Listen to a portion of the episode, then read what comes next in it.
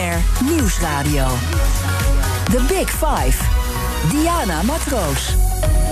Welkom bij BNR's Big Five van de self-made men and women. Juist zij kunnen in de moeilijke tijd waarin we nu leven zeer inspirerend zijn. Want hoe bereik je de top als je met niks begint? Welke tegenslagen kom je onderweg tegen? En hoe overwin je die? En ook welke verantwoordelijkheid brengt het met zich mee om self-made te zijn? Deze week praat ik elke dag één uur lang met een topgast die op eigen kracht de top heeft bereikt. Je hoorde al deze week bij mij Humberto Tan, Koen van Oosterom, Annemarie van Gaal en gisteren de oprichter van succesformule Picnic.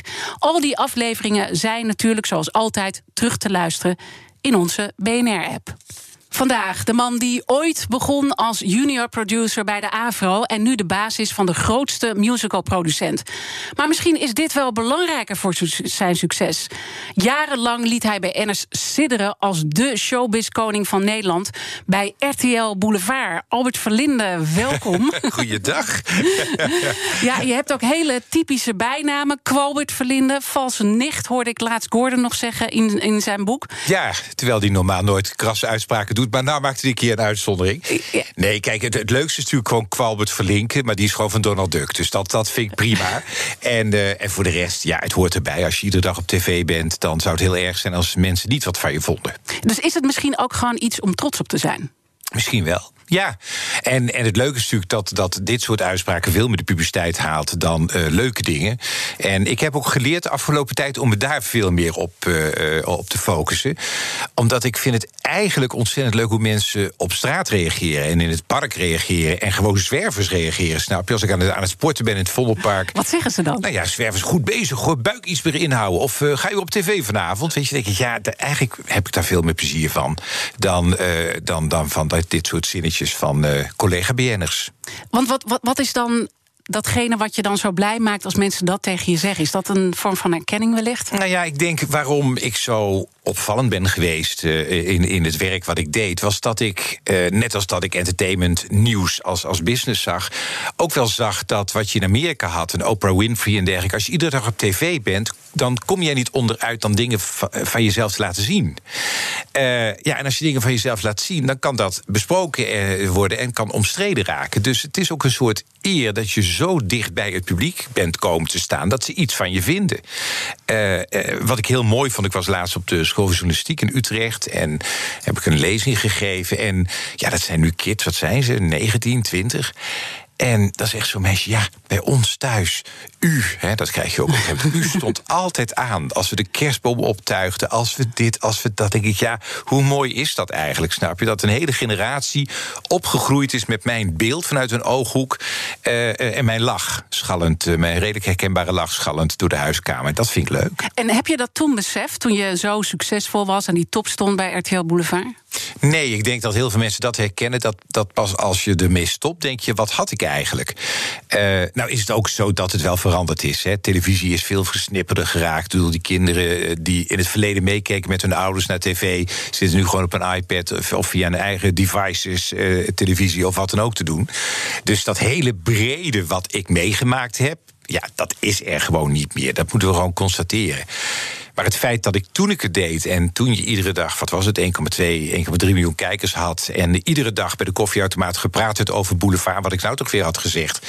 Ja, ik werd wel eens gek van, maar het is ook wel heel mooi geweest eigenlijk. En toen ik vandaag uh, met, uh, of eerder deze week met Humberto Tan uh, heb gesproken, toen zei hij: Ik zit in een soort. het is een soort snelweg waar je in zit. Herken je dat? Ja, ja, ja. Het, het houdt, en zeker een daily. Hè, voor de luisteraars, daily is een dagelijks programma. Ehm, Fijn dat je dat echt zegt. nee, maar als je dagelijks een programma doet, dan, dan heb je nauwelijks de tijd om te verwerken wat er gisteren gebeurd is. Uh, laat staan wat er nog aan zit te komen. Laat staan aan het eind van de week eens even na te denken... waar sta ik nu precies? Je zit echt in een trein die maar doordendert. En als ik kijk naar, naar Boulevard, dan maakten het programma. Dat was pittig, want iedere dag moest daar veel in. We waren bezig met de nazorg van gisteren. Mensen die boos waren of die wat dan ook. We waren bezig met wat er de rest van de week kwam. En de show zelf. Dus het was een soort sneltrein waar je in zat. Die heel vermoeiend was. Vooral dat constant onderwerp van gesprek zijn.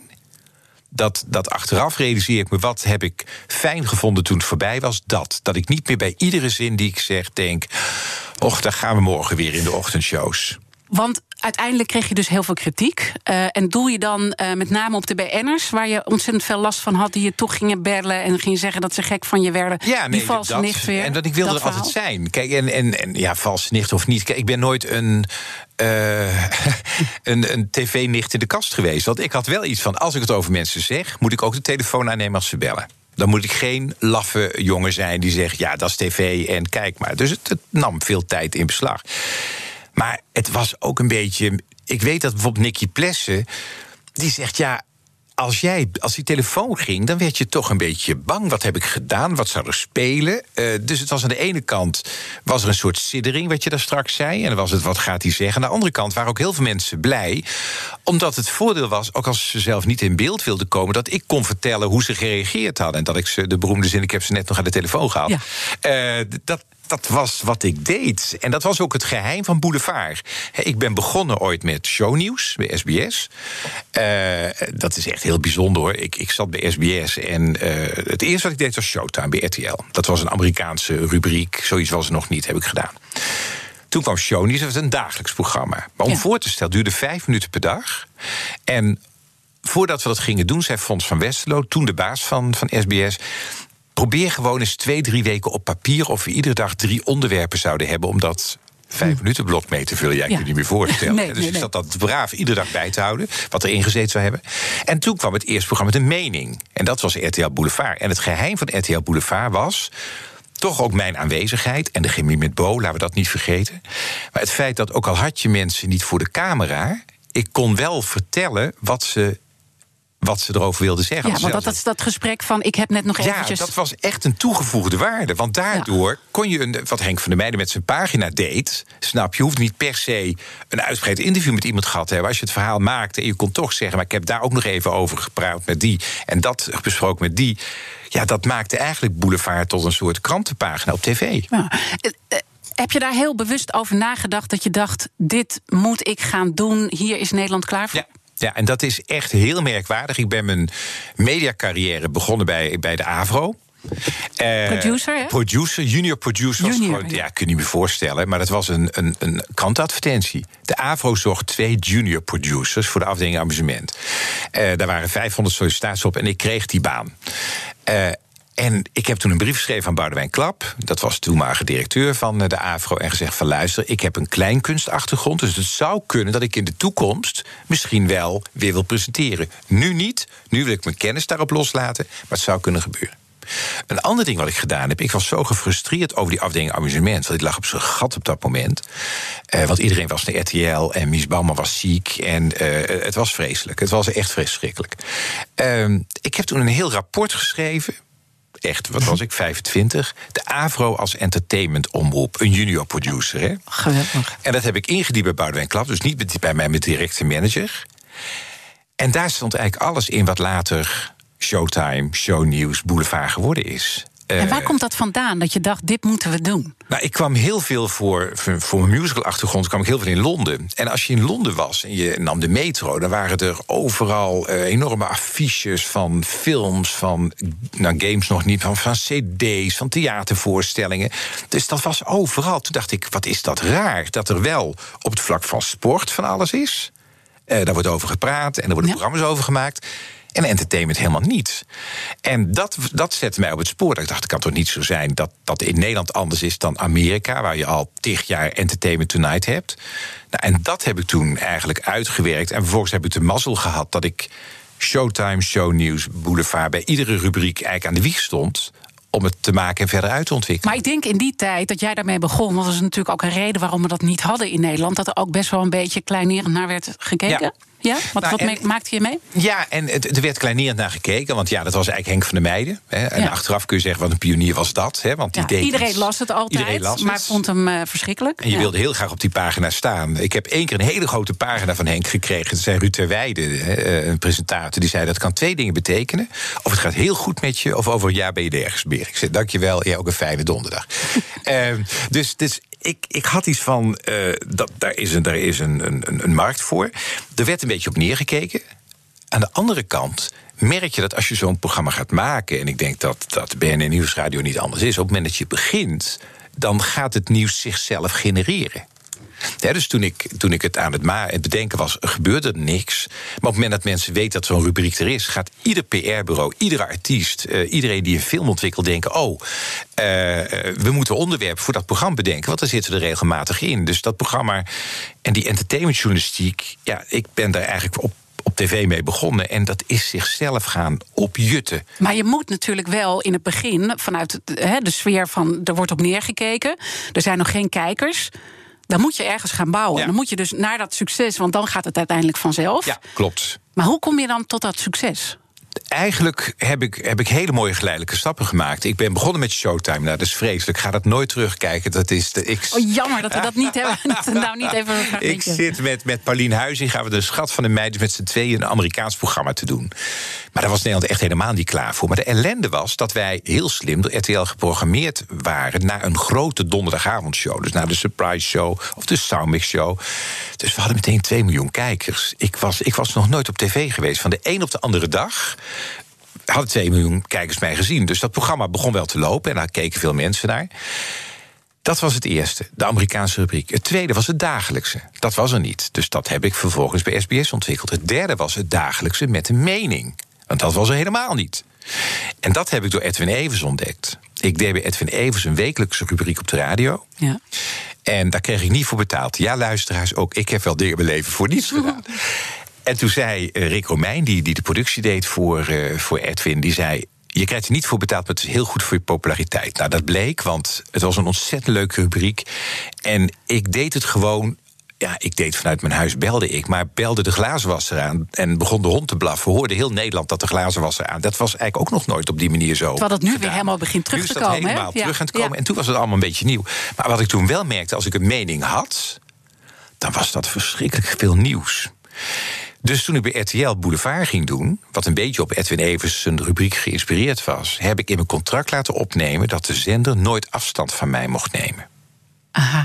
Want als ik de eerste week de dingen riep die ik uiteindelijk ben gaan roepen, en de directie van RTL zou meteen zeggen: ja, maar daar zijn wij het niet mee eens, was dat programma dood geweest. Dus je had eigenlijk, nu, nu is het heel uh, normaal om meningen met elkaar te delen, maar dat was toen eigenlijk dat vernieuwende element. En dan zoek ik naar, hè, want het gaat over de self-made men en women deze week. Dan zoek ik naar het moment dat je dat dus ja, hoe je dat voelt van daar moet je heen. Ik bedoel, je hebt dingen meegemaakt dat je dacht het werkt. Ja. Maar het zat dus al in jou dat je met die meningen het bezig zat was. Echt in me. En uh, ik denk dat bij mij is, is het een combinatie van. Als kind heb ik alle tv-series, maar ook aftitelingen gelezen. Uh, dus ik wist, ik wist al heel veel van het vak.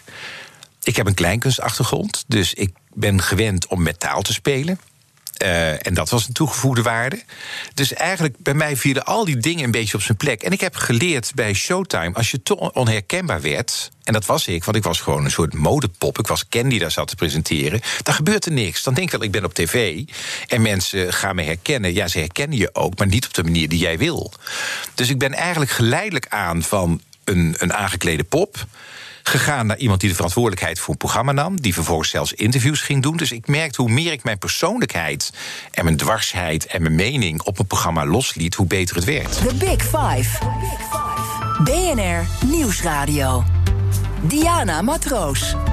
Deze week uh, praat ik met vijf kopstukken als het gaat de self-made men en women uh, van ons land. En uh, vandaag heb ik dus de gast Albert Verlinde. Je vertelde al over de Kleinkunstacademie. Wilde je eigenlijk acteur worden? Nee. Nee, ik heb uh, schaamteloos misbruik gemaakt van de situatie. Ik dacht, hoe kom ik in contact met. Ik woon, kwam uit Brabant, ik woon in Vught. Ik dacht, hoe kom ik in contact met die wereld? Er waren geen talentenjachten. Er waren maar twee musicals uh, die in Nederland gedaan werden. Dus er was, hoe kwam ik in contact met die wereld? Daarna is Big Brother en alles gekomen. Kon iedereen op tv komen, maar toen niet. En toen dacht ik, ja, ik ga naar de Kleinkunstacademie, want dan, dan leer ik mensen kennen daar. daar maar, maar, ging het je dan om uh, dat je gewoon in die wereld wilde rondlopen, of dat je er toch ook iets in wilde doen? Wilde je presentator worden? Ik wilde eigenlijk presentator worden. Ik wilde, dat heb ik ook mijn leven lang al, uh, zelfs als, als krantenjongen op de fiets gedaan. Dan las ik gewoon voorpagina's voor en zong ondertussen liedjes. Dat was een soort ochtendmagazine wat ik, wat ik deed. dus een hele vrolijke krantenjongen. Dus ik heb dat altijd gedaan. Ik heb het altijd leuk gevonden. Dus toen ik op de Kleinkunstacademie kwam, kreeg je een mediacursus theatercursus. En je kreeg een radiopresentatiecursus, een tv-cursus. Dus daar heb ik allemaal heel erg van geprofiteerd. Ik dacht, hoe kom ik met die wereld in contact? Dat is wat ik wilde. En natuurlijk heb ik een cabaretgroep gehad. En is dat voor mijn ondernemerschap ook niet verkeerd geweest. Ben ik musicals gaan doen. Maar uiteindelijk merkte ik dat bij de AVRO weer binnenkomen. En dan iets ontwikkelen. Je tanden ergens inzetten. En kijken naar budgetten en naar uitstraling. Dat was voor mij wel thuiskomen. En als je dan bedenkt van wat is er nodig om uh, succesvol te zijn? Het is toch een combinatie van zakelijkheid en talent. Want eigenlijk was je toen al heel berekenend dat je die opleiding deed. Ja, eigenlijk werd het klinkt heel erg als je het zo zegt. Maar het is wel zo. Ehm, en, en, vaak heb je al een plan voordat je het zelf in de gaten hebt. Ik, er heeft echt niemand ooit bedacht eh, op een, een kamertje in Vught van dan begin ik zo en uiteindelijk eindig ik als directeur Stage Entertainment. Dat, dat gaat hem niet worden. Maar wel een soort, soort instinct wat je hebt, maar dan ook de, het talent om het zakelijk te benaderen. Ik heb echt. Uh, ik heb heel lang voor, met een aanvullende uitkering gewerkt. Dus ik had een cabaretgroep, nou, dat, dat leverde niks op. Dus iedere week naar eh, de UWV of het arbeidsbureau, het noemde, een envelopje de bus. Heb ik allemaal gedaan.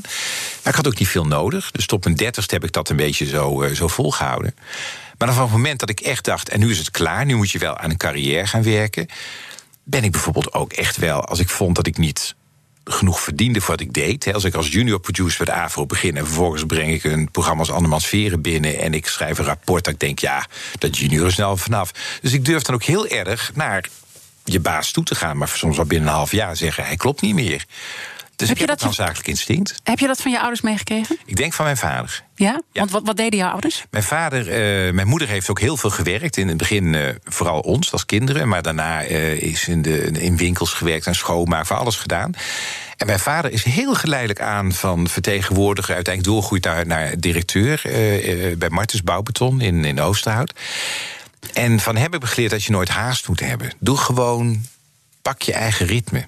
En dat heb ik ook wel eens tegen jongens en meisjes gezegd die dan bij me komen en, en tips willen hebben. Niet meteen voor het geld gaat. Dat, als, het, als het leuk is, komt dat wel een keer, snap je? Maar je moet jezelf niet smoren, in de kiem smoren, door te vroeg gefocust te zijn op wat je ermee kunt verdienen. Want je moet eerst je passie en je talent tot, tot glorie laten komen, dan komt dat wel. En dan komen dingen vanzelf. Ja.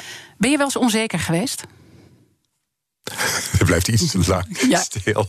Uh, dat, dat, kan twee dingen betekenen. Nee, eigenlijk alleen op die Kleinkunstacademie omdat die Kleinkunstacademie, ik vond mezelf niet de beste zanger uh, of danser of acteur. Dus, en ik zag mezelf dat ook niet doen. Uh, en daar word je onzeker van. Als je foto's uit die tijd ziet. Ik had een eigen cabaretgroep.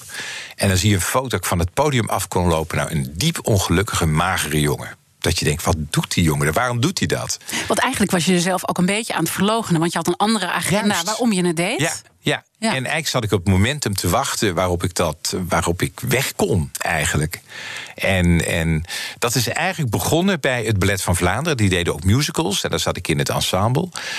En omdat je toen, dat is ook een goede tip voor iedereen, in een andere wereld, snap je? Dat was niet Amsterdam, dat waren niet mijn klasgenoten, dat was niet iedereen die. Ik ging gewoon naar Antwerpen, ik ging daar wonen op kamers en ik ging daar uh, in een ensemble staan, in een vreemd land, met andere betalingen en belastingregels en, en, en, en mores. En dat heeft voor mij heel veel betekend. Dat je even uit je comfortzone gaat en even gaat herijken wie je bent. Dus dat je eigenlijk weer opnieuw begint? Eigenlijk wel. Af en toe, nou, dat is een hele goede. Af en toe durven opnieuw te beginnen.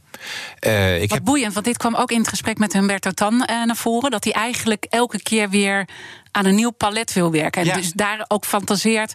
Wat zou ik doen als ik nu in Parijs zou wonen en op een andere manier mijn geld zou moeten verdienen? Ik noem het ook altijd kies en dan verder maar zien. Ja. Ik heb daar zelfs een cabaretnummer over geschreven. Kies en dan verder maar zien. Maar als je niet, en de tekst ging verder, wie niet kan kiezen, heeft ook nooit iets te verliezen. Ja. En iets verliezen hebben natuurlijk best een mooie drijfveer. Niet dramatisch, maar het, is, het kan geen kwaad om jezelf af en toe op scherp te zetten. Maar toch ben je weer heel berekenend in alles wat je doet. Ja. Ja. Dus dat kan dus blijkbaar bij elkaar samengaan. Ja, maar dat is wel naarmate je verder komt. Doe, maar eh, bijvoorbeeld het kiezen van. Ik was in dienst bij de Avro. Met dat fantastische rapport wat ik geschreven had. En toen kwam Showtime. En uh, Showtime heb ik ook weer zelf opgezocht dat ik dat ging presenteren. Want ik had een presentatiecursus van de AVRO gehad. En ik heb een soort screentest bij Van de Ende uh, gedaan. Dat was Bert van der Veer. En Bert zei, wat raar, dat AVRO Entertainment Magazine... wat jij doet, waarom presenteer je dat niet? Dat ik als producer. En toen kwam Showtime, las ik in de krant. En toen heb ik gewoon de secretaris van Bert van der Veer gebeld en gezegd: Wilt u meneer Van der Veer even helpen herinneren aan wat hij gezegd heeft, waarom ik zo'n programma niet presenteerde? En toen werd ik het. Goed idee, zei hij. Dus het is ook je kans zoeken. Maar ik zette wel. Maar ook een bravoure. Dat je ja, dus... want ik zei wel mijn vaste dienst op bij de AVO. Ik had daar vaste dienst en ik ging voor 13 weken showtime ging ik naar RTL. Ja. Maar, en dat is, ik dacht, als ik nu niet kies, als het niet lukt, is het heel jammer. Dan lik ik mijn wonden en dan ga ik weer door. Maar als het wel lukt, dan ga ik jaren balen dat ik dit nu niet aangedurfd heb. En je bent dus jarenlang zeer succesvol geweest. Uiteindelijk RTL Boulevard, volgens mij heb je het 15 jaar 15 gedaan. Jaar, ja. Uh, je zei al, de mensen spreken je er nu nog op aan. Dus zoveel invloed had je bij NRC op dat moment. En dan uiteindelijk uh, komt die, toch die val van Zes Inside. Ja, ja. Ja, en dat is omdat je uh, uh, misschien onderschat dat, dat dat waar je in pionierde, dat dat, dat er al is. He, dus eigenlijk ga je dat waar je altijd in gepioneerd hebt en waar je gewoon roekeloos instapte, ga je doen. Ik heb het hartstikke leuk gehad, maar, maar je gaat het toch doen als je denkt: ik ga het dan toch nog een keer doen, snap je? Ja. En dat is geen goeie. Nee. Nee, nee. En, uh, en dat vind ik heel jammer voor zo'n team ook. En nu doe ik shownieuws hè, af en toe. Maar dat, vind, dat, dat ben ik zelf ooit begonnen. Dus dat vind ik leuk en prima. En, en daar zit ik. Maar zo'n nieuw programma opstarten. Wat eigenlijk is wat je eigenlijk al deed. Dat moet ik eigenlijk niet doen. En dat wist je al heel snel. Ja, eigenlijk wel. Ik had het na een paar weken wel in de gaten. Dat ik dacht, dit gaat hem niet worden. Nee. En dat lijkt me verschrikkelijk. Hè? Ik bedoel, ik, ik, ik, presenteer ook, dus ik weet Ja. hoe het is om op die plek te zitten. En dat mensen van alles van je vinden. En dan kom je van dat enorme succes. Ja. En dan Ja. glipt het zo. Ja, dan glipt het uit je vingers. En, en, maar dan merk je wel aan de andere kant dat je weer andere talenten ontwikkeld hebt. Dat is namelijk dat je, dat je niet, niet meer zo gevoelig bent als je misschien 15 jaar geleden was. Dus, en dat je ook wel het verantwoordelijkheidsgevoel hebt. En dat je realiseert dat het voor het hele team dat aan het maken is veel erger is dan voor jou. Ik bedoel, voor mij is het even door Angela de Jong heen bijten. En voor het hele team is het hun werk. En eh, ik heb natuurlijk altijd de combinatie met dat andere werk bij Stage. Waardoor ik denk, ja, weet je, ik heb. Dit is niet je leven. Dit is niet mijn leven. Maar je beseft je wel dat een tijdperk voorbij is. Ja, eigenlijk wel. Ja. Ja. ja. En daarom vind ik eigenlijk shownieuws wel weer leuk om te doen. Dat ik denk, ja, dat is een beetje thuiskomen. Dat is dat programma dat ik eigenlijk ja, ooit begonnen ben. En, en dat vind ik eigenlijk wel leuk om te doen. Mijn gast in BNR's Big Five van de Self-Made Man and Women is Albert Verlinde vandaag. En hij heeft het ver geschopt in die wereld. Van showbiz-koning tot de grootste musicalproducent van het land.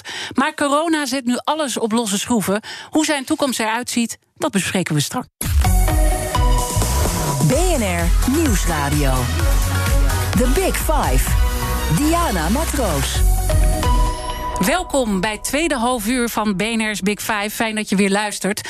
Deze week praat ik met vijf self-made men and women. En mijn gast vandaag is Albert Verlinde, directeur bij Stage Entertainment. We hebben net eh, jouw eerste stappen bij televisie, de grote successen daar. En uiteindelijk eh, heb je ervoor gekozen om richting die musicals te gaan. Wat was jouw drijfveer om dat te doen? Verveling? nee, twee dingen. Eh, De verveling is wel een ding. Want ik, ik zat dus bij, bij SBS en ik ging iedere dag vijf minuten shownieuws doen. Maar dat was s'avonds om tien voor elf. Dus ik had de hele dag niks te doen. En ik werd goed betaald, maar ik had verder niks te doen. Dit was nog voor eh Boulevard. Voor, eh, voor Boulevard. Dus Ja. praat ik echt over 1998, zo 22 jaar geleden. En toen dacht ik, wat ga ik nou doen? En Joop van den Ende was net met al die grote musicals begonnen. En ik zag heel veel nieuwe musicalproducenten, allemaal floppen. Met fantastische ambitie, maar het ging allemaal mis. En dacht ik, ja, ik snap wel dat het misgaat. Want je moet een passend antwoord vinden. Die grootheid van Joop, die kun je, daar kun je toch niet tegenop. Want die grote titels zijn weg en het geld heb je niet om het te maken. Dus doe nou gewoon heel simpel. Maak kleinschalige voorstellingen met een grote uitstraling. Dat was mijn motto. Dus weer heel zakelijk bekeken. Ja. Dit is een niche, als ondernemer eigenlijk. Ja. Dan heb, ik, dan heb ik mijn eigen recht van bestaan. En de eerste die ik deed eh, eh, was Piaf met Lisbeth List. Want het was een kleine voorstelling met acht mensen op het toneel, drie man orkest en een ster die Lisbeth List was. Zij veel voor jou betekent, hè, volgens mij. Ja, ongelooflijk veel. Ja, Ja. ja. en, en eh, nou ja, ze is helaas overleden, ook midden in coronatijd. Ik hoop oprecht aan het eind van dit jaar, als we allemaal terugblikken, dat we iets meer stil kunnen staan bij, eh, bij haar overlijden dan we nu hebben kunnen doen. Eh, maar Lisbeth was fantastisch. Die vond het zo'n krankzinnig idee. Ze dacht, ik ga het doen. Dat was mijn eerste productie. mijn hypotheek zat erin. Uh, maar ik werd ontzettend geholpen door iedereen. Dus ook door SBS, Fonds van Westerlo. Die zeiden, we gaan je helpen en, en het, het gaat lukken. Uiteindelijk gingen daar in één jaar 125.000 mensen naartoe. Dat was gewoon, nou, dat had de gemiddelde Joop musical eigenlijk ook niet eens, snap je? Dus het was, het was bingo. Nou, daarna word je een beetje overmoedig. Hè. Dan denk je, ah, kan iedere titel aan. Nee, dat is niet waar. Blijf bij je plan. Kleinschalig voor een groot publiek.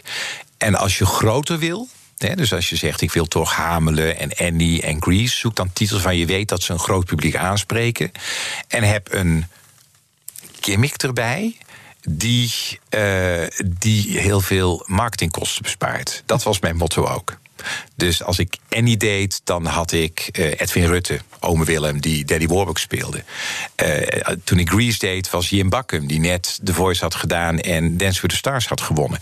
Dus ik zocht altijd een soort ding dat het publiek eigenlijk dacht... nou, daar kunnen we naartoe. Dus toen ik Grease ging doen, daar gingen 400.000 mensen naartoe. Door dat idee wat ik had. Ja. Ja, dat is wel. Daar ben ik best een beetje trots op dat dat gelukt is, dat het een groot bedrijf werd. Eh, wat ook heel veel nieuwe producties ontwikkeld heeft, als Toon en Ramses en, en Wim Sonneveld. Heel, die biografische musicals bestonden eigenlijk ook niet zo. Die heb ik voor Nederland een beetje ontwikkeld, waar een heel groot publiek voor is. Dus ja, dat was mijn ondernemingszin eigenlijk. En dat werd uh, steeds groter en uiteindelijk zo groot dat jij en Joop van den Ende zijn samengegaan. Ja, ja. En dat was natuurlijk een enorm moment. Dat was, uh, nou ja, het is nu ongeveer zes jaar geleden, sterker nog, het is precies zes jaar geleden dat Joop en ik elkaar spraken bij de bruiloft van Peter van der Vorst. En uh, nou, Joop had het best toen een beetje ingewikkeld, omdat je, je wil ook wel door weer eigenlijk. Hij wou ook een beetje afscheid gaan nemen van het bedrijf. Uh, het, het was een duur bedrijf geworden. En dat zei hij letterlijk. Hij keek naar mijn bedrijf en zei: ja, jouw, jouw grote productie à la Footloose of Flashdance is goedkoper dan mijn kleine productie uh, Love Story. Hoe kan dat? Nou, toen op die bruiloft hebben we de afspraak gemaakt. Hij was toen moeder bij de revue aan het maken. Ik zeg, ik wil best wel eens komen kijken en dan gewoon kijken wat ik daar van vind. En dan maak ik aantekeningen. Wat jij anders zou doen. Niet mail ik, ja. stuur gewoon op. Nou, dat gesprek ben ik nooit vergeten, want hij was heel bang dat ik allerlei decordingen zou aanpassen. Nou, als er iets mij minder interesseert, is decor. Wat ik vind, dat als je een verhaal goed vertelt en volgt, ja, dan kun je tegen een zwarte doek doen, snap je? Maar bij Joop natuurlijk nooit een zwart doek. Maar dat, en toen heb ik echt een aantal dingen die hij ook allemaal aangepast heeft. En toen begon eigenlijk, uh, en dat is inderdaad echt zes jaar geleden, dat hij zei: ook zijn boord had gezegd: je moet met Albert gaan praten. Die twee bedrijven die moeten nu samen. En Albert want wat is dan hetgeen wat jij, hè, want hij vindt het decor en al dat soort dingen belangrijk, daar ben jij minder mee bezig. Wat, wat is dan datgene wat jij kon brengen voor dit bedrijf wat hij niet deed? Waardoor het uiteindelijk een grote productie toch goedkoop gemaakt kon worden. Uh, ik denk dat het. Ik, ik heb steeds en meteen behandeld of mijn eigen portemonnee was. Mm -hmm. dat, dat heeft André van Duin ook wel eens gezegd. Joop in het begin natuurlijk ook. Maar als je zo rijk wordt als Joop, is het best moeilijk om dat gevoel te blijven houden. Wat verantwoord is om uit te geven, snap je? Ja. Omdat je gelooft. En, en, dus dat, dat was heel, heel ingewikkeld. En ik denk inderdaad een soort. toch nog iets meer bij het publiek staan. En dat heeft mij natuurlijk ook met, met Boulevard en, en, en Showtime geholpen. Dat ik toch een soort dagelijkse thermometer in de samenleving had. Ook op redacties. Waar, staan, ze wel op aan of staan ze niet op aan? En dat nam ik allemaal mee. Uh, dus ik denk dat mijn toegevoegde waarde is het, het wat goedkoper produceren. Uh, en dat zou Joop best moeilijk gevonden hebben af en toe, denk ik. Uh, dat, dat hij dat vond het verhalen willen vertellen en, en toch meer naar het publiek luisteren. Ja, ik, ik merk uh, als je kijkt nu hoe hij erover praat. Uh, dat het, er heeft laatst een, een, interview in de Volkskrant gestaan. Ja. Dat het niet zo uh, leuke, de sfeer is niet meer zo leuk tussen jullie. Ja, nou, de Klopt sfeer dat? is niet leuk. Ja, er is, we hebben eigenlijk heel weinig contact met elkaar. Maar ik... Ja, maar hij zei wel wat, had wel wat cynische opmerkingen. Ja, maar dat vind ik dan, dat moet hij zeggen. Snap je? En, en ik, ik, ik, las dat en dan denk ik, ja, vind het ook een beetje jammer. Want ik vind dat je met z'n tweeën stil moet staan wat je bereikt hebt. Dat bedrijf is weer hartstikke goed gaan lopen. Dat is verkocht. Dat is, uh, daardoor kan Joop weer andere dingen doen. Dus alsjeblieft, laten we met elkaar vieren, uh, zeker in coronatijd, dat we het leven hebben en dat we, dat we het goed hebben. Uh, en het is, het is jammer maar de ik wil gewoon stilstaan bij de mooie herinneringen. En dat is het feit dat ik met Joop Annie M. G. Schmid gemaakt heb. Daar heeft hij echt, en ook Simone gevraagd of Joop erbij betrokken kon zijn. Mm -hmm. En dat was echt het perfecte huwelijk. En daar is het extra wrang als je daarna merkt dat twee mannen toch, ja, we zijn geen vrienden geworden. Ja, nee. Dat is dan jammer. Want hij vindt dat het te veel over verlinden ging, als ik het even helemaal plat sla. Ja, weet je, en, en dat vind ik. Daar, daar, ik, ik wilde gewoon eigenlijk niks over zeggen, omdat ik het zo. denk ik, nee. Het, Als je John de Mol bent, ben je John de Mol. Als je Reinhard Oerlemans bent, ben je Reinhard Oerlemans. En Joop van den Ende en Albert Ende. Er is altijd iets met die naam die het, die het, die het groter ja. snap je. Maar, maar, maar, maar, raakt het jou, want zo begonnen we ook uh, het gesprek... Hè, dat, dat je hebt bepaalde bijnamen en dat komt dan nu via Joop ook weer op een bepaalde manier terug. En daar deed je eerst best wel luchtig over, maar raakt het je toch ook ergens? Nou, dat, dat ene, het gaat altijd over Linde, heeft me geraakt... omdat ik dacht van, juist nu in coronatijd... want hij zei het midden in de coronatijd...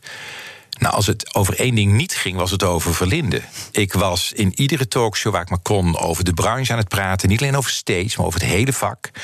Uh, ik heb contact met de minister. Uh, ik doe iedere week toespraken naar het personeel om ze te enthousiasmeren. Want die, die maken zich zorgen. Hè, wat gebeurt er met hun? Zeker. Dus als er één ding in die periode, wie weet daarvoor, hè, bedoel, uh, dat je gelijk, dat, dat weet ik niet. Maar juist in die periode, dat je zo bezig bent om voor het vak en voor je bedrijf, voor je personeel op te staan. En dat dan iemand zegt, gaat over Verlinde, denk ik, oh, nou, niet nu. Doe dat over een jaar weer, maar niet nu. Als we dan kijken naar die toekomst, hè, want we zijn nu, uh, nou ja, we, gaan nu einde zomer. Hè, alles zou weer een beetje moeten opstarten.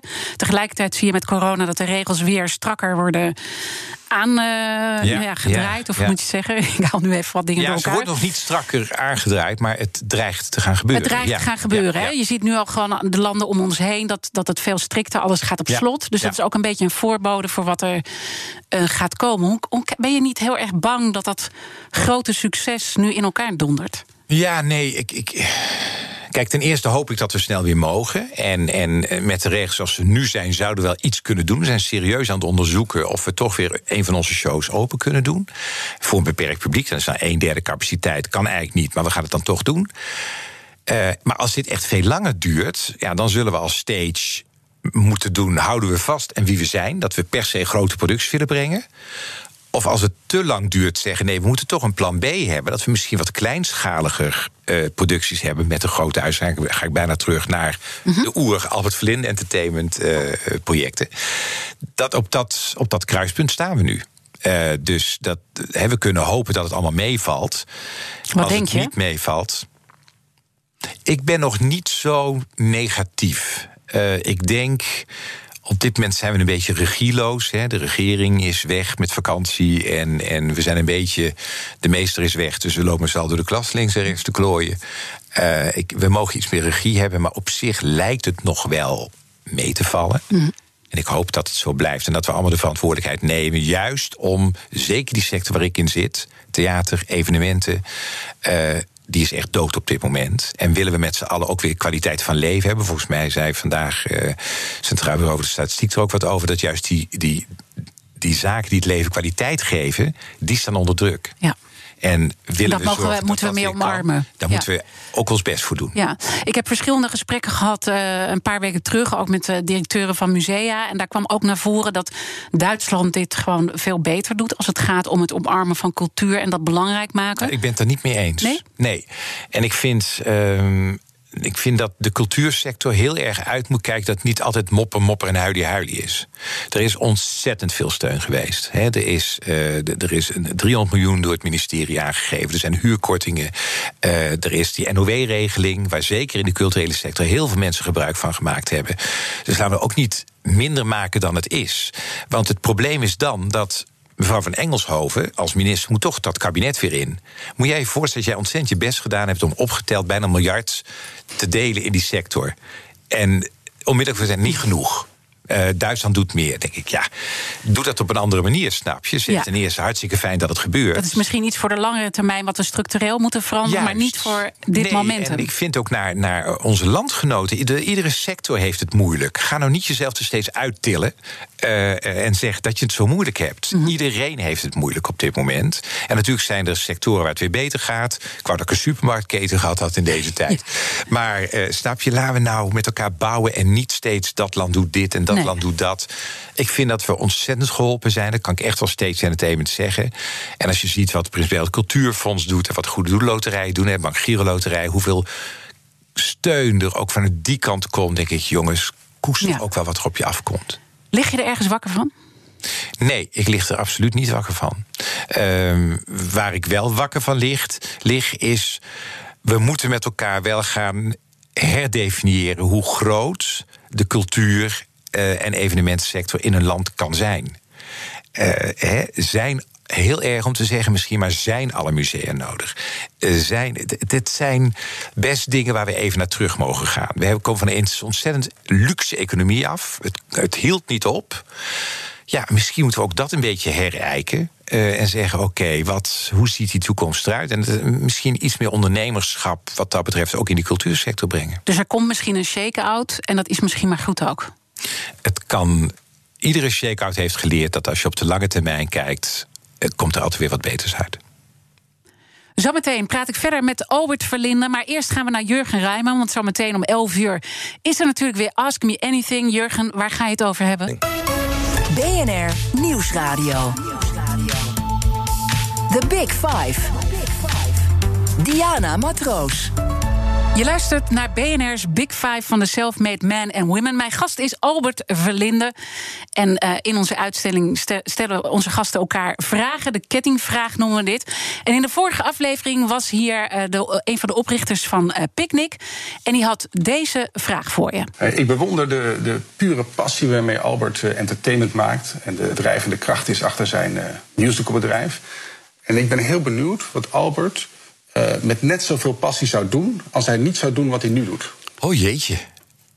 Ik heb altijd gedacht en altijd gezegd: of het is entertainment of het is advocatuur.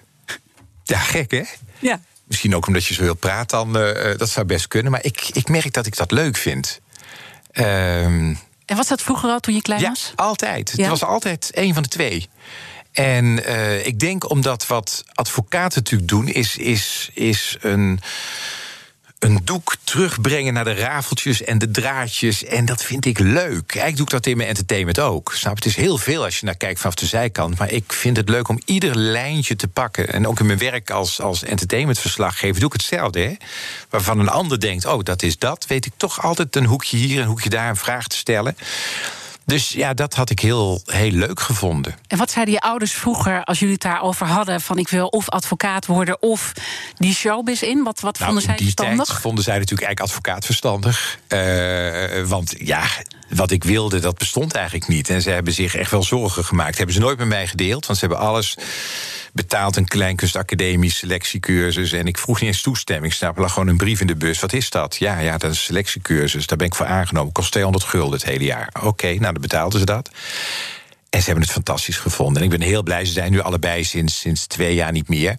Dat ze al die victoriemomenten die ik vanaf 1998 gehad heb met, met televisie en al die premières, dat ze dat mee hebben mogen maken. En gezien hebben dat ik er toch goed van heb kunnen eten aan het eind van de rit. En je vader maakte er volgens mij ook een heel mooi plakboek van. Ja, dat is een, dat is een boekenplank vol. Echt, uh, ja, dat, dat koest ook lief. echt. Dat was ontzettend lief en helemaal zorgvuldig inplakken. En ook het nummer van de plakboeken en zo. Dus het is, uh, ze hebben zo meegeleefd, waren zo trots. Maar toch even dan terug naar het ondernemerschap. De allereerste cabaretvoorstelling van Cabaret Boomerang. Dat deden we in Kampen, een voorstelling. En ik was helemaal niet mee bezig. Er waren volgens mij 40 man in de zaal. En wie, wie stonden daar al in de foyer om naar de voorstelling te gaan? Mijn ouders. En dat is eigenlijk symbolisch voor wie ze waren. Is dat dan ook heel erg belangrijk voor succes? Dat je thuis ook al die mensen hebt die achter je staan, welke keuze je ook maakt? Ja, en die natuurlijk ook vragen stellen bij wat je aan het doen bent, maar die er wel achter staan. Uh, en die niet zeggen, die, die niet constant barricades opwerpen.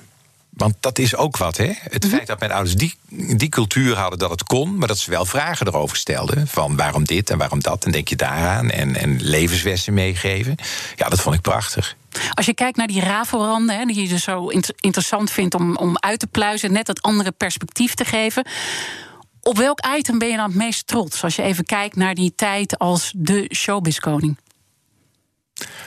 Um, jeetje. Ja, eigenlijk ben ik vanuit showbiz koning het meest trots op. En er is echt boulevard mee begonnen. Hoe we omgingen met het overlijden van mensen. Dat bestond eigenlijk ook niet. Dat je zo uitgebreid stilstond bij. En we hadden in het begin. Ja, Guusje Nederhorst en, en uh, Frederik. Dat was best veel. En om daar van alle kanten mensen te benaderen, iets over laten zeggen. Wat ook niet zo gewoon was. Hè, dat mensen dezelfde aantal in een programma zeiden wat ze van iemand vonden daar ben ik eigenlijk wel trots op dat dat toen begonnen is. Uh, en als je kijkt naar echte nieuwsverhalen. Uh, ja, dan is uh, toch op een gegeven moment de, de, de val van Jack de Vries. Uh, omdat hij een relatie had met een collega, was ook een boulevardverhaal. Ja. Ja, daar ben ik toch ook wel een beetje trots op, eerlijk gezegd. Als je met een ondergeschikt een relatie hebt en je, je vertelt dat niet, dat mag natuurlijk niet. Hè? Nee. Dus ja. Ik had gedacht dat je zou zeggen dat uh, parkeergaragemoment. Met, uh, en ik wist dat je dat zou Jolante zeggen. Denk, nou, ja, weet je waarom ik daar trots op ben? Ik denk, jeetje, wie presenteert er een programma? En ik kan ze bijna niet noemen, hè? Dat je, hoe, hoe ver is het? Twintig jaar na dato, nog steeds... Dat moment. Dat moment weet, dat is toch wel heel bijzonder. Maar ik denk ook omdat het voor het eerst gebeurde in Nederland. We hadden dit nog eigenlijk nooit meegemaakt dat, dat er iets gefilmd werd, dat het uitgezonden werd, dat mensen erop reageerden. Uh, dat en hoe gaat dan zoiets? Op een gegeven moment zoomt zo'n verhaal rond en het komt dan bij jou? Ja, en dan heeft iemand die, die, die, die, die, die band. En dan ga je je manager bellen en niemand zegt je mag het niet uitzenden. Dat is een hele belangrijke. Hè? Die is achteraf iedereen vergeten, het hele verhaal. Maar er is van tevoren gemeld, we gaan dit uitzenden. Er is niemand gezegd en we verbieden het... en we sleuren je voor de rechter of we gaan een Dus ze vonden het doen. zelf ook wel prima? Ja, anders zeg je nee. Ja. Dus, uh, en achteraf heeft iedereen, uh, nou ja, West en zijn heel lang samen gelukkig geweest. Dus dat, uh, nou ja, dat filmpje is de moeite wel waard geweest achteraf. Met Jan Smit is het ook goed afgelopen. Dus aan het eind van de rit is, er, is het een soort hobbel geweest bijna in de tijd... omdat het nou zo wereldschokkend was. Alleen het heeft wel veranderd hoe we naar televisie keken. En het heeft ook veranderd hoe mensen in het openbaar zijn. Mm -hmm. want zeker nu met die telefoons... En dat was toen ook niet natuurlijk. Ja, je moet je ervan bewust zijn. Als je bekend bent, ja, dan, dan dat, daar hoort een bepaalde verantwoordelijkheid Hoe bewust bij. ben je jezelf? Want je bent zelf ook... Ongelooflijk bewust. Onge Zelfs toen, toen Boulevard nog niet werd uitgezonden... en toen was ik volgens mij door Short al een beetje bekend... ik liep op een gegeven moment in Amsterdam... dat is echt een typerend voorbeeld van hoe ik erin sta... Ik liep op straat, ik was lekker wezen stappen... en ik kom op straat een best leuke jongen tegen... en die, die wil me iets aanreiken, maar ik wist niet wat het was. En het eerste dat ik dacht, het zal toch niet iets van cocaïne of zijn... en ik spring twee meter naar achteren. Dat ik denk, stel nou dat iemand denkt... Mm -hmm. ik maak een foto of het is een opzetje, weet ik wat. Ja, het is niet leuk om zo te moeten denken, maar het is het wel. Je weet hoe groot de gevolgen ja, kunnen zijn. Ja. En heb je dan, als je dat dus beseft...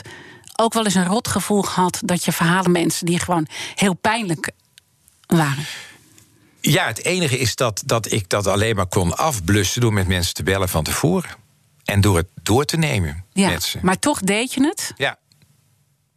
ja. Geen schuldgevoel over? Nee, zeker niet. Nee. Waarom niet? Want dat, dat, ik, ik, ik zou dat dan zelf. Nou, ik zou omdat... dat totaal, ongeschikt voor zijn. Nee, maar dat is ook zo. Maar Ja. daarom, je moet het ook echt doen omdat je vindt dat je het moet doen. En ik vind op het moment dat iemand de verantwoordelijkheid neemt om een gezicht op tv of in het theater of in de film te zijn. En als onderdeel daarvan een privéleven deelt. Hè, want vaak gaan mensen met kinderen naar premières toe. En dan staan ze in de magiet met hun partner en roepen het allemaal maar. Ja, dan hoort er ook bij dat als dat dan even niet goed gaat. Ja, dan moet je er ook zijn. Dat is, dat is, dat is bij, bij uh, Madonna niet anders dan bij uh, Ja. Bridget Maasland. Maar waarom vind jij het mooi om dat dan te brengen? Wat is Als dat ik, in jou? nou ja, dat is dan toch de ondernemer. Dan denk ik, ja, eh, mooi om te brengen. Als ik dat vak doe, kan ik het alleen maar doen door het wel met mijn Morris, met mijn geweten. Ik kan niet voor heel Nederland praten, maar mijn geweten vond dat het er goed mee omging. Ja, dan, dan kan ik het. Want als ik het niet doe, geloof ik niet in dat programma. Dan moet ik het niet doen. Maar dat, dat, ja, je kan ondernemen op zoveel vlakken. En dat doe je natuurlijk nu ook met het uh, theater. Maar dat je juist dit wilde doen. Ja. Wat, wat, wat, wat is daar lekker aan om dat te doen, om dat te, te brengen? Je, je kan het goed. Nou, het, misschien ook wel omdat je wist dat, dat de mix van boulevard... en zeker in die jaren was natuurlijk ook dat omdat dit erin zat... keken mensen en kregen ze ook een nieuwe film mee dat het goed was. Of een boek. We hebben zelfs de, uh, de, de, de ACO Literatuurprijs in Boulevard uh, twee jaar uh, gedaan. Ja, waarom? Omdat mensen om andere dingen ook keken en dit allemaal meekregen. Dus dat hele sandwichgevoel heeft het programma wel verder geholpen. En heeft dus, dus het soort dus het is de verpakking die je het is nodig de verpakking. hebt. En daardoor heb ik ook dingen kunnen brengen die je normaal bedoelt. ACO Literatuurprijs denkt dat de mensen die naar Boulevard kijken... liever vergeten dat dat twee jaar gebeurd is. En dat de grootste hit ooit, knie op een bed violen, in dat jaar gebeurde. Maar dat zal toeval zijn. Dan denk ik, ja jongens, ja. dat was wat... En dat vind ik nog steeds, en of ik welk programma ik dan ook maak... die mix vind ik wel heel belangrijk. Hoe belangrijk is geld voor jou? Niet drijvend. Uh, uh, ik heb het heel lang niet gehad... En nu heb ik het hartstikke goed en echt veel beter dan ik ooit had durven dromen, zoals Rob de Nijs uh, zingt in Bange Hart. Maar het is niet wat me laat tikken. En dat wil ik ook echt ja, ik heb het nooit om het geld gedaan. Wel om het succes? Wel om het succes en om passie. En om, om je passie te kunnen uitvoeren. En als dat geld meeneemt op een gegeven moment. Ik heb natuurlijk de gouden jaren van televisie. Boulevard was zo belangrijk. En ik was daar zo belangrijk in dat de zender daar veel voor wilde betalen als ik dat deed. Ik was het samengaan met Joop was zo belangrijk dat het bedrijf mijn bedrijf wilde overnemen. Dus ik heb ook wel geluk gehad dat alles waar ik zo in geloofde, dat dat op twee sporen een succes werd. Ja, behalve dan dat ene moment hè, waar we het over hebben gehad. Maar dat was dus de basisfout die je bij jezelf maakte. Ja, klopt. Waar ik waar heel veel respect voor had, is dat je in die uh, boulevardtijd, ook toen jouw uh, man Onno in het nieuws kwam, gesnapt werd hè, met een andere man. Er waren foto's van. Dat je dat met een professioneel. Ik heb het nog even nog een keer zitten terugkijken. Ik, ik weet het ook nog van dat moment. Maar dat je dat zo professioneel zat te vertellen. Ik, ik had er respect voor, maar ik denk ook, hoe krijg je dat voor elkaar? Ja. Nee, en dat is dan toch de. En ik kan alleen voor mezelf praten, niet voor Onno. Maar dat is. Dan denk je, ja, luister Albert, je kunt niet je carrière bij zo'n programma gemaakt hebben. Uh, en dit allemaal gedaan hebben. En, over, en dan niet thuisgeven als er met jou iets is. Dat kan niet. Maar echt met een stalen smoelwerk. Ja, maar ik heb ook de, de, uitzonding, eh, de uitzending gemaakt over Anthony Kamerling. Dat was hè, de, de, dag na zijn uh, zelfdoding. Daar zat ik ook. En er gaat dan. Je zwager. Mijn zwager. Ja. En dan zet ik een knop om. Uh, en toen heb ik ook echt gezegd: ik wil iedereen die in de uitzending reageert. Ik wil van niemand horen gecondoleerd, of wat dan ook, want dan, dan breek ik. Ik wil geen filmpje zien. Ik doe wat ik hier moet doen. En op een gegeven moment als je zoiets moet doen, en dat zal iedereen, ook ieder ondernemer herkennen die zware fases doormaakt, dan komt er een kracht in je naar boven die je doet. Maar je weet ook, je stelt voor jezelf ook een paar regels waarbinnen je kunt doen wat je moet doen. En dat is wat ik gedaan heb. Het is een hele rare overgang, maar we moeten toch ook nog de kettingvraag doen voor, oh ja. voor volgende week. Uh, want dan gaat mijn eh, collega Art Rooijakkers met de Big Five van de generatiekloof uh, aan de slag. En zijn eerste gast is Henk Krol. Ja. Wat zou je Henk. Nou, daar heb ik echt vragen? over nagedacht. Maar ik denk dat ik een goede vraag heb. Henk is volgens mij ooit begonnen. In ieder geval, Henk. Zal ik hem zo voorstellen? Ja, ja doe maar. Henk, je bent ooit voorlichter geweest van de Tweede Kamerfractie van de VVD. En ik vraag me af, wat is nou de PR-les die je toen geleerd hebt, die bij alles wat jij meemaakt altijd een richtlijn voor jezelf geworden is? En waarom vind je dat zo belangrijk om te weten? Zit daar ook cynisme in of niet? Nee, niet cynisme, maar oprechte nieuwsgierigheid. Hoe alles wat je mee kunt maken, hoe je als woordvoerder daar dan tegenaan kijkt. Want dan denk je, oh wacht even, laat dat. Tenminste, ik zou soms denken, laten we dit maar niet doen. Ja. Nou, vandaar dat ik het even wil weten. Oké. Maar je kijkt meteen, ja, dat zit erg aan mij. Er zit altijd een soort lachje in of dit. Ik vind het gewoon een goede vraag. Ik vind het ook een hele goede vraag. uh, waar gaan we jou ooit nog terugzien?